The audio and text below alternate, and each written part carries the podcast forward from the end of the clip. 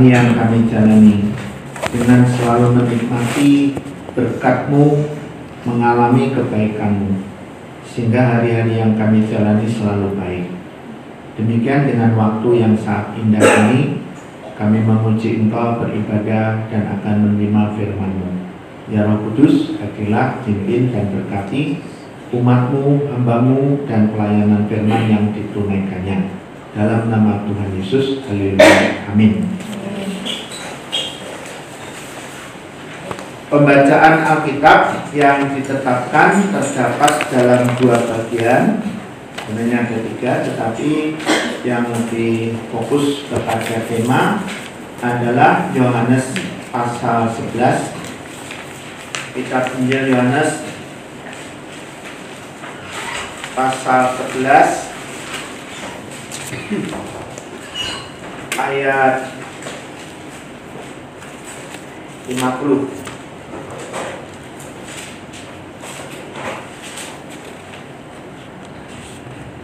penerangannya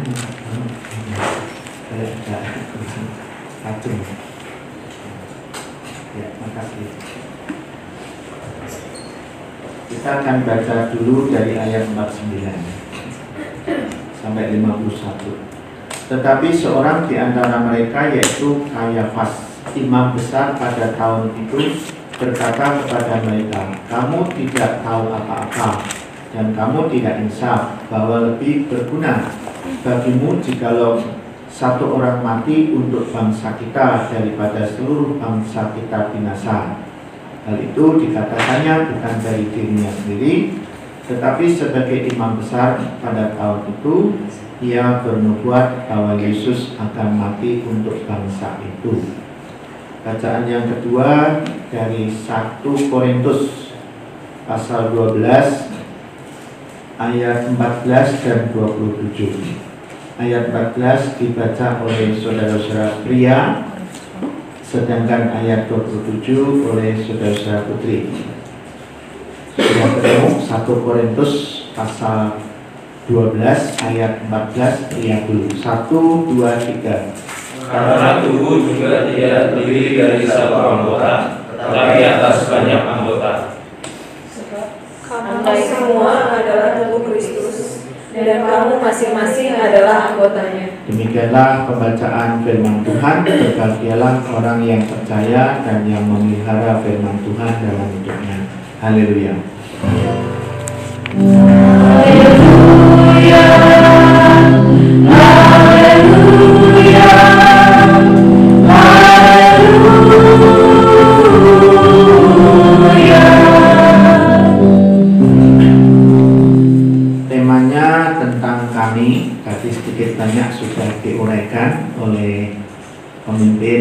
liturgi pada awal kebaktian. Ya. Yang jelas kami itu lebih dari satu orang, lebih dari satu orang, atau mungkin menggambarkan dan mewakili komunitas. Ya. Kalau di bahasa Indonesia itu ada kami, ada kita. Kalau bahasa Inggris cukup satu B, tidak ada pembedaan antara kami dan kita. Kalau di bahasa Indonesia ada ya kami dan kita. Ya. Bedanya kira-kira sudah tahu kan?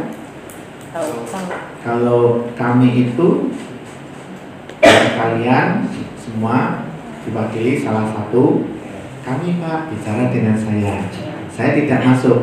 Berarti ada kami, ada yang diajak bercakap-cakap, ada orang lain di luar kalian ya. Tapi kalau seandainya saya di sini ditanya ada orang, oh, eh, saya bicara dengan saudara, tapi melibatkan saudara dan saya, nah itu namanya kita. Kita saat ini sedang beribadah, kita saat ini sedang menyimak firman Tuhan. Itu artinya kalian dan saya ikut ya. Tapi saya rasa yang di, ingin disoroti bukan soal perbedaan antara kami dan kita, tetapi topik-topik sorotannya itu adalah keseimbangan atau ketegangan ya, antara manusia itu sebagai makhluk individual dan sekaligus makhluk sosial. Ya. Tentu sudah kita sadari sudah kita pahami kalau setiap orang itu sebagai makhluk individual itu berarti punya keunikan ya punya banyak eh, ciri-ciri yang khas pada diri orang itu dan ciri-ciri itu sebagaimana seluruh keseluruhannya itu membedakan dengan orang lain ya. Ya apakah karakter latar belakang keluarga proses pertumbuhan kita ya, kemudian internalisasi terhadap nilai-nilai yang kita serap dalam hidup ini itu membedakan dengan orang lain ya. Itu maksudnya sebagai makhluk individual. Nah, sebagai makhluk individual tentu di dalamnya ini termasuk punya berbagai aspek kebutuhan atau kepentingan ya. Ada visi ada pergumulan ada masalah yang mungkin ada yang sama dengan orang lain tapi mungkin juga berbeda dengan orang lain. Sedangkan kalau pemahamannya itu sebagai makhluk sosial ya kita sudah tahu. Artinya bahwa kita hidup ini tidak lepas dari pertolongan orang lain. Kita itu dilahirkan bisa bertumbuh karena bantuan dan pelayanan kasih dari ayah dan ibu kita. Kita tidak bisa bertumbuh sendiri. Kita membutuhkan orang lain. Tapi sekaligus ya makhluk sosial itu kita juga dibutuhkan orang lain. Ya. Walaupun mungkin potensinya tidak seberapa, kita belum bisa berkarya berkarya hebat ya. Tapi keberadaan kita itu dibutuhkan ya. Minimal keluarga dekat kita. Dan kalau sudah bertumbuh berkembang dibutuhkan oleh teman-teman kita. Nah mestinya mestinya hidup yang ideal itu adalah hidup yang seimbang antara memenuhi ya kodrat sebagai makhluk individual yang sekaligus sebagai makhluk sosial. Dalam hal ini tidak perlu mengambil paradigma dikotomi yaitu pertentangan antara makhluk sosial dengan makhluk individual. Ya tidak perlu dipertentangkan karena itu bagaikan dua sisi mata uang yang menyatu dalam diri setiap orang.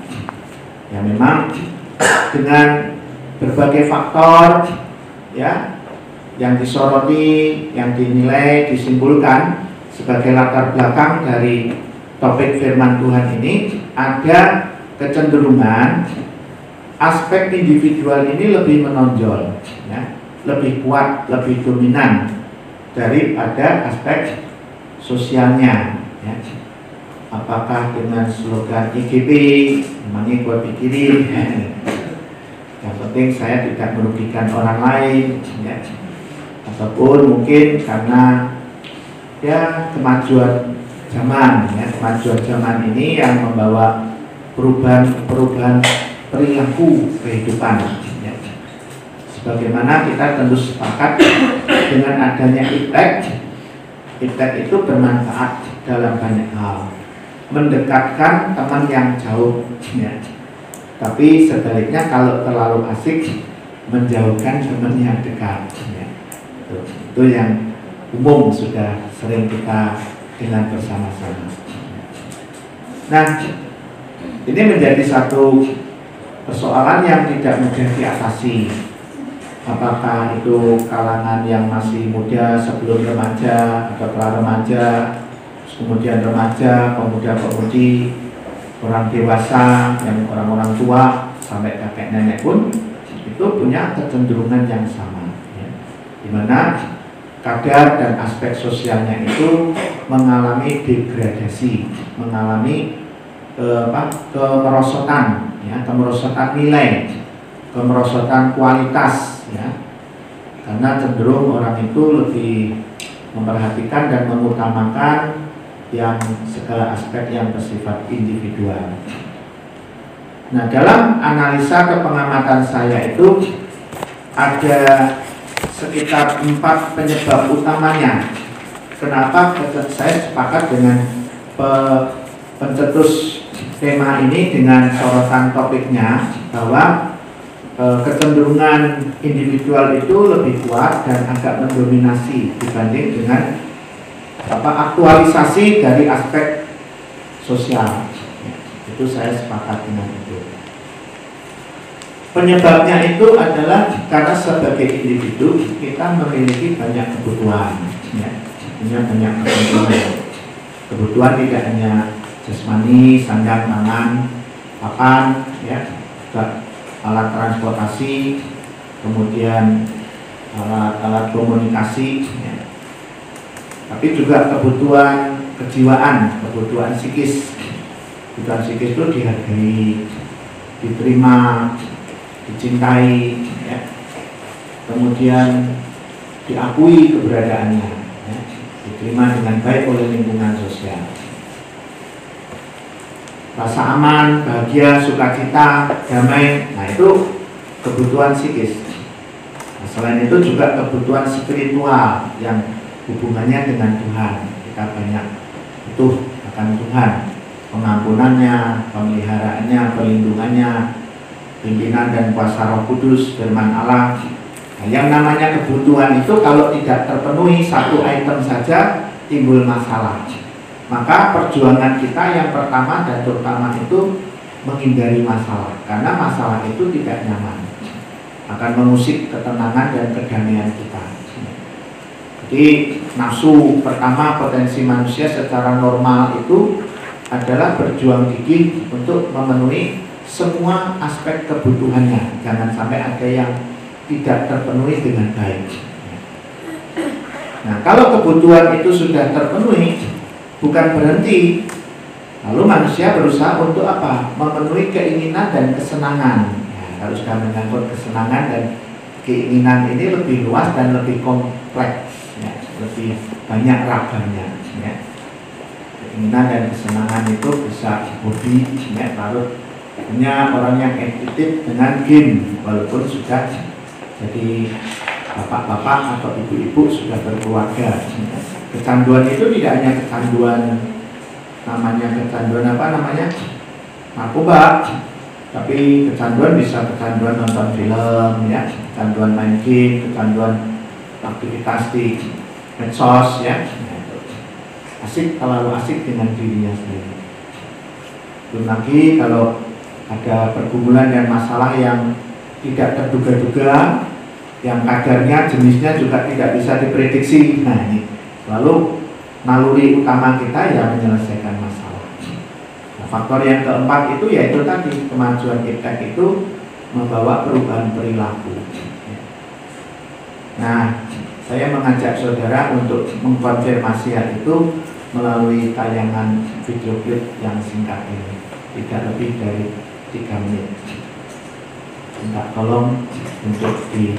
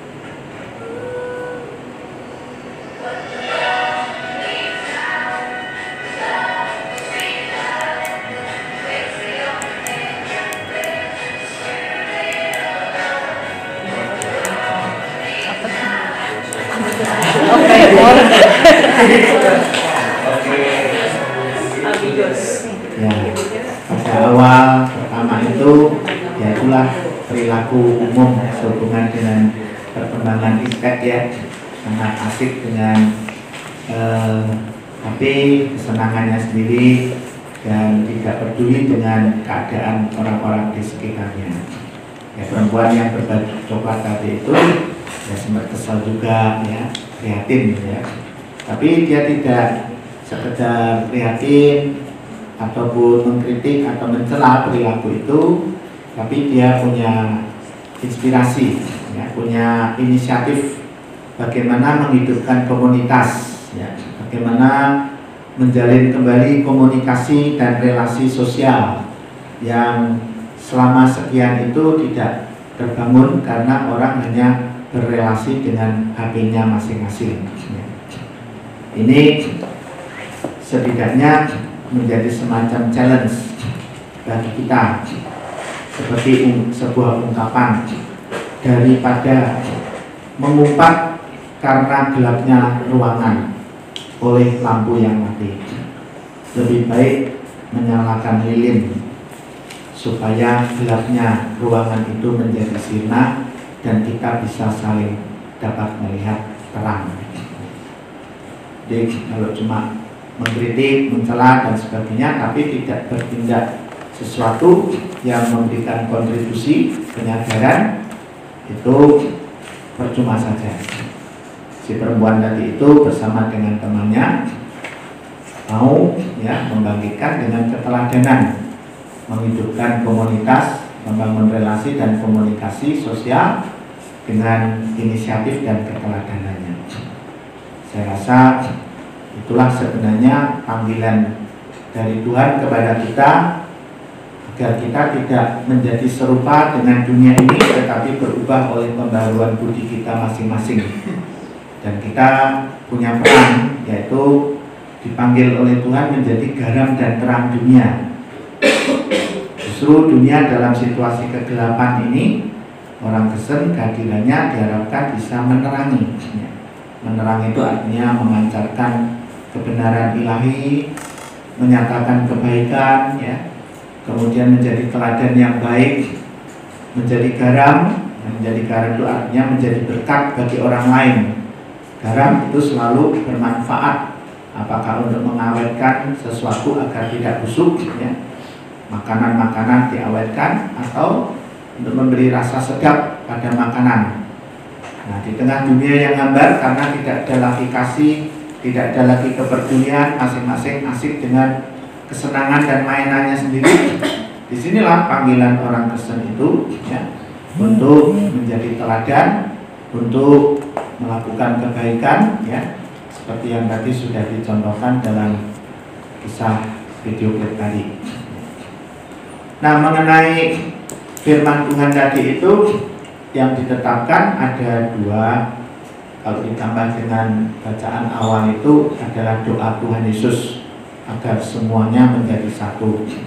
Nah, kalau Yohanes 11 ayat 49 sampai 51 itu itu sebenarnya adalah pernyataan imam besar Kayafas ya, yang mengikuti pola pikir secara umum. Kalau dibanding dengan semua bangsa binasa mendingan satu saja yang binasa dikorbankan.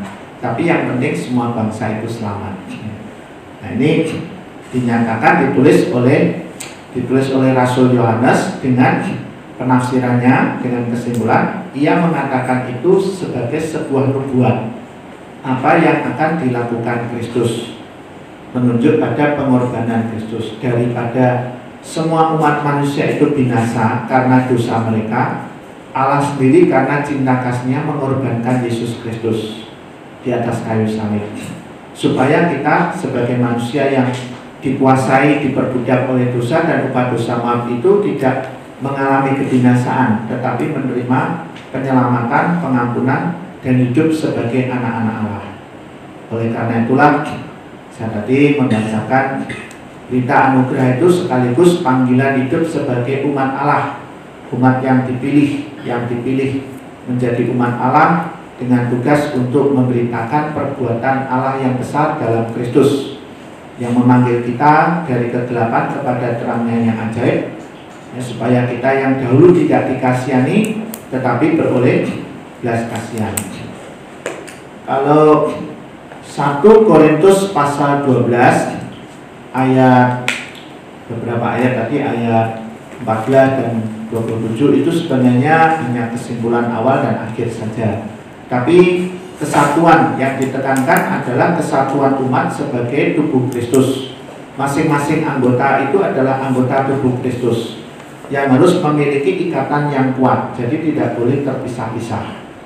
Tidak boleh misalnya telinga melepaskan diri dari kepala, tangan melepaskan diri dari tubuh, tidak boleh begitu. Tapi umat itu kita harus menjadi satu kesatuan tubuh Kristus antar satu anggota dengan yang lain itu saling memperhatikan, saling melayani, ya, saling e, mengasihi, bertolong-tolongan menanggung beban. Kalau di dalam Galatia pasal 6 ayat 2, bertolong-tolonganlah menanggung bebanmu. Dan ayat 27 itu kamu semua adalah tubuh Kristus dan kamu masing-masing adalah anggotanya. Dalam kepemimpinan Kristus sebagai kepala, sebagai pemilik, penguasa, dan pemimpin. Ya. Jadi kepatuhan kita kepada pribadi yang sama, Tuhan Yesus. Ya. Sedangkan kita saling melayani sesuai dengan perintah Tuhan kita.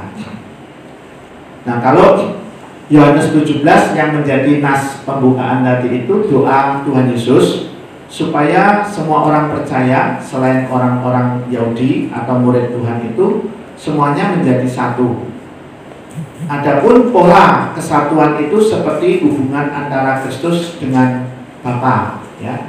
Itu satu dalam kasih, satu dalam firman, satu dalam pekerjaan, pekerjaan penyelamatan, satu dalam kemuliaan Allah, satu di dalam e, di dalam kehendak kehendak Tuhan, ya. Nah, itulah yang harus kita wujudkan dalam komunitas hidup kita. Nah, bagaimana selanjutnya dengan tren yang seperti tadi itu? Kira-kira solusi apa, langkah apa yang harus yang dapat dan harus kita lakukan ya terhadap situasi seperti tadi itu? Menurut saya ada empat saja ya empat nilai spiritual yang menurut saya relevan untuk kita jabarkan, untuk kita terapkan agar hakikat sebagai makhluk individual dan sekaligus makhluk sosial itu seimbang. Ya. Pertama adalah menjaga atau memperjuangkan keseimbangan dalam rangka memenuhi kebutuhan-kebutuhan individual, ya, termasuk menjawab segala pergumulan dan masalah individual segala aspek individualitas kita itu tidak boleh diabaikan juga. Tetap harus kita penuhi karena ada firman Tuhan mengatakan kasihlah sesama manusia itu polanya seperti kamu mengasihi dirimu sendiri. Jadi artinya ya kita tidak boleh mengabaikan kita tidak boleh membenci diri sendiri kita tidak boleh menyengsarakan diri sendiri kita tidak boleh menelantarkan kebutuhan-kebutuhan kita sendiri tidak boleh. Kita juga harus merawat tubuh ini penting berkat dari Tuhan harus diperjuangkan. Tapi tidak semata-mata hidup untuk memenuhi kebutuhan-kebutuhan individual. Contoh yang Tuhan kritik melalui perumpamaan orang kaya yang bodoh, orang kaya yang kikir orang kaya yang hanya mementingkan diri sendiri kekayaannya untuk miliknya sendiri ya satunya orang kaya yang bodoh dia pintar mencari kekayaannya tapi bodoh dalam mengenal kehendak Bapa. Dia setelah kaya mengandalkan kekayaannya sebagai sandaran hidup dan jiwanya. Hei jiwaku, ada padamu banyak uang, banyak harta. Istirahatlah, tenanglah dan seterusnya. Tapi malamnya nyawanya diambil. Dan Tuhan menyebutkan demikianlah orang yang kaya bagi dirinya sendiri, tetapi tidak kaya menurut Tuhan, tidak kaya di dalam Tuhan. Atau contoh yang kedua itu sifat individualis dalam bentuk e-, egois itu orang kaya yang tidak mau menolong Lazarus yang menderita parah sakit lapar di depan pintu ya akhirnya dua-duanya meninggal tapi Lazarus masuk surga orang kaya itu masuk neraka Jadi ini contoh yang buruk kalau orang itu hanya memenuhi aspek individual semata-mata. Oleh karena itulah dalam berbagai ajaran firman Tuhan dalam kitab Injil ataupun perjanjian lama Tuhan mengajar kita itu untuk memenuhi juga panggilan hidup dengan harkat atau hakikat sebagai makhluk sosial. Kita mau hidup untuk orang lain juga. Kita mau peduli kepada orang lain. Kita mau membangun relasi dan komunikasi yang baik dengan siapa pun. Ya. Jadi yang pertama nilai yang pertama itu berusaha untuk menjalani hidup yang seimbang. Nah untuk bisa mencapai itu ya perlu ada nilai spiritual yang Tuhan Yesus ajarkan yaitu penguasaan diri, kontrol diri dan penyangkalan diri. Jadi kalau kita sudah terlalu dominan, kasihkan dengan kecanduan atas kesenangan dan kenikmatan diri sendiri, kita belajar untuk kontrol, kontrol kesenangan diri, membatasi, ya, agar tidak menjadi menguasai ya pikiran kita, perilaku kita sehingga kita seolah-olah tidak butuh orang lain, seolah-olah tidak mau menghargai orang lain. Harus ada upaya atau nilai kontrol dan penyangkalan diri terhadap kesenangan dan keinginan kita. Sebab kesenangan dan keinginan itu walaupun terpenuhi tidak akan pernah ada habisnya. Akan membuat orang jadi tamak, fokus dan tenggelam di dalamnya. Nilai yang kedua itu ya belajar terus menjadi murid Tuhan, menghormati, menghargai keberadaan orang lain. Jadi kalau sedang diajak oleh bicara oleh siapa pun ya berusaha untuk konsentrasi fokus. Ya, ini perlu latihan dari yang yang kecil-kecil kalau ada teman kita dekat kita diajak ngobrol itu jangan sambil ngobrol gitu nah, nah ini saya juga masih belajar ya soalnya ya tapi belum belum artinya sepenuhnya ya. Kadang-kadang itu ya ada sesuatu yang teringat kalau nggak dicatat langsung bisa lupa ya. Tapi intinya jangan sampai kita itu ada orang ngajak bicara dengan kita kita asik main Facebook kita masih wa dan sebagainya ya. Kecuali kalau ada sesuatu yang benar-benar urgent minta izin dulu. Maaf ada sesuatu yang penting saya minta waktu sebentar. Sehingga kita tunjukkan kita juga menghormati. Belajar untuk menghormati dan menghargai keberadaan orang lain. Lalu membaharui paradigma atau isi mindset hidup kita. Mindset hidup kita itu jangan hidup untuk diri sendiri. Kita mengenal kehendak Tuhan, panggilan dari Tuhan, seperti Bapak Abraham dipanggil untuk menjadi berkat bagi dunia, menjadi berkat bagi sesama. Dengan mindset seperti itu, dengan visi juga seperti itu, dengan spiritual menjadi berkat bagi orang lain, maka kita akan sengaja ya menyediakan waktu, pikiran, doa untuk menunjukkan bahwa kita respect terhadap mereka, bahwa kita adalah orang yang peduli dengan sesama, ya kita selalu mau menjalin hubungan kerjasama yang sebaik-baiknya dengan orang-orang yang diizinkan Tuhan menjadi partner dalam kehidupan kita. Nah itulah empat hal yang mungkin bisa kita coba terapkan untuk mengurangi ya tidak ikut dengan tren dunia yang individualisnya itu semakin mendominasi dan aspek sosialnya menjadi semakin terdegradasi ya. Itu kita bekerja berusaha untuk menjalani keseimbangan hidup antara hidup sebagai individual dan makhluk sosial yang kedua adalah berusaha terus mengontrol diri dan melakukan penyangkalan diri terhadap segala jenis keinginan dan kesenangan yang tidak pernah ada habisnya dan tidak pernah terpuaskan. Itu harus ada kontrol. Belajar untuk menghargai dan menghormati orang lain akan keberadaan mereka. Dan yang terakhir adalah menanamkan mindset dan visi dalam diri kita. Tuhan memberkati kita agar hidup kita juga jadi berkat bagi orang lain. Demikian firman Tuhan, semoga bermanfaat kepada kita semua.